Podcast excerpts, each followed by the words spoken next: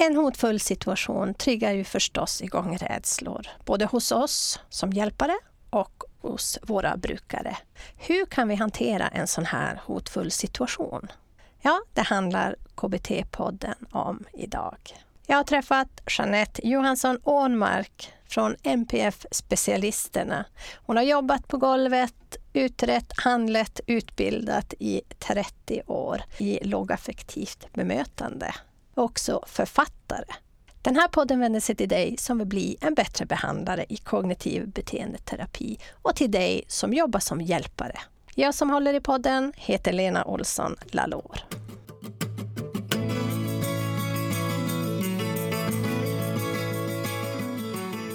Välkommen till KBT-poddens avsnitt 266 med mig, Lena Olsson Lalor. Idag ska vi prata om lågaffektivt bemötande och då specifikt en del av verktygslådan som handlar om att hantera, hantera hotfulla situationer, hantera det som händer på golvet när vi jobbar med olika typer av personer som vi tycker har utmanande beteenden.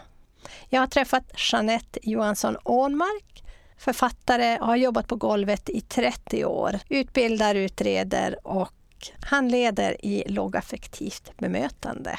Den här verktygslådan är gedigen i lågaffektivt bemötande och just hantera-delen handlar ju förstås om hur man ska hantera utmanande beteenden och hur man hanterar våld och utagerande eller aggressivt beteende och utfall hur hanterar man de här svåra situationerna som vi hamnar i utan att trappa upp konflikter? Så vi behöver lära oss affektregleringskurvan för att förstå det här. Veta med oss att vi har spegelneuroner, även vi som hjälpare. Och vi funderar väl också kring, behöver man använda fasthållning? Hur jobbar man med avledning? Självkontroll? egen självkontroll och avlastningssamtal för personalen om man har varit med om en svår situation, hotfull situation, där man har triggats igång i rädslor. Ja, I poddbloggen bliambattrebehandlare.se 266. Där kan du hitta spellista till andra lågaffektivt bemötande samtal, och lite annat smått och gott. bliambattrebehandlare.se 266. Nu ska jag inte låta det vänta längre utan här kommer då guldkornet från det långa avsnittet. Mycket nöje. Men det för oss ju ganska smidigt in till de här verktygslådorna, tänker mm. jag, i labb. Mm. Och då brukar man prata om hantera, utvärdera och förändra. Mm. Ska vi prata lite grann om dem?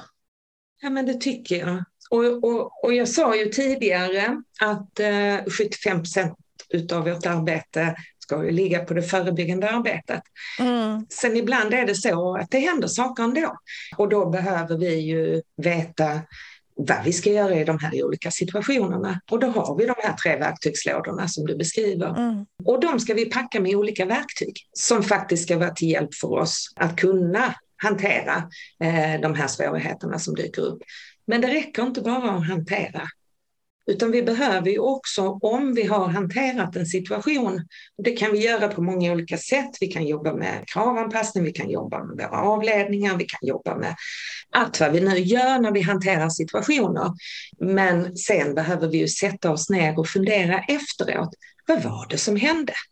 Kunde mm. vi ha gjort någonting för att inte det här skulle uppstå? Var det någonting jag gjorde som gjorde att det här liksom gick överstyr eller vad det nu kan vara? Mm. Jag brukar säga att det handlar om, de här verktygslådorna ska hjälpa oss att få in ett mer systematiskt tänk i vårt arbete. Mm. Och så brukar jag likställa med, du vet vi har två stycken lagstiftningar som egentligen bygger på de här tre verktygslådorna också.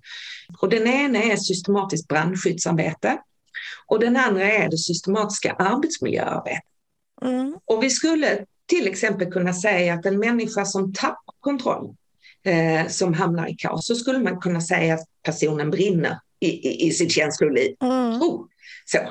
Om vi då tittar på det systematiska brandskyddsarbetet så finns det en lagstiftning som säger att om det skulle börja brinna i, i en papperskorg till exempel, mm.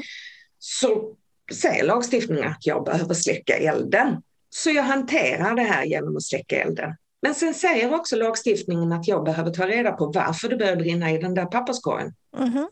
För att jag ska kunna göra förändringar. Ibland är det så att vi kanske släcker elden och sen funderar vi inte så mycket mer över det utan ja, det brann i papperskorgen, den är släckt. Om det sen skulle vara så att jag lämnar lokalen och så börjar det brinna papperskorgen igen så kan jag faktiskt bli åtalad för detta. För att jag inte har jobbat med det förebyggande brandskyddsarbetet. Mm, mm. Egentligen samma principer vill vi ha in i de här tre verktygslådorna. Att få in den här systematiken. Ja. Och systematiken kommer att hjälpa oss att bli bättre i vårt arbete. Och det är ju det vi vill, mm. tänker jag. Mm. Vi vill alltid göra de bästa sakerna såklart. Mm. Så vi behöver släcka eldar eller bränder. Sen behöver vi ta reda på varför det blev så här svårt. Mm. För att vi sen ska kunna göra förändringar. Ja, det var allt vi hade att bjuda på idag. Vi tackar Jeanette för kunskapen hon delar med oss. Du som vill lyssna på hela avsnittet och den långa intervjun med Jeanette Johansson Ånmark Gå in på bliambattrebehandlare.se 266 och unna dig, köp dig en prenumeration av KBT-podden där. Oavsett om du har köpt en prenumeration eller inte så kan du ta del av guldkornen på hemsidan bliambattrebehandlare.se 266. Och där kan du också se de här böckerna som Jeanette har skrivit och andra avsnitt som är av intresse bli ambattrebehandlare.se 266.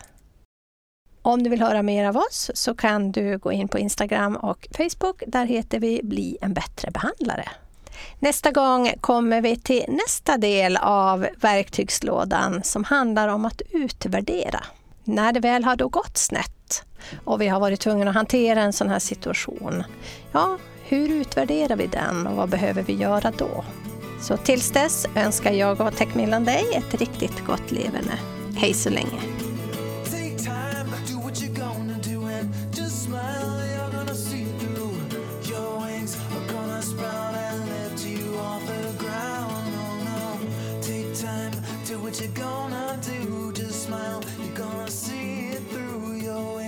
gonna sprout and you will learn to fly.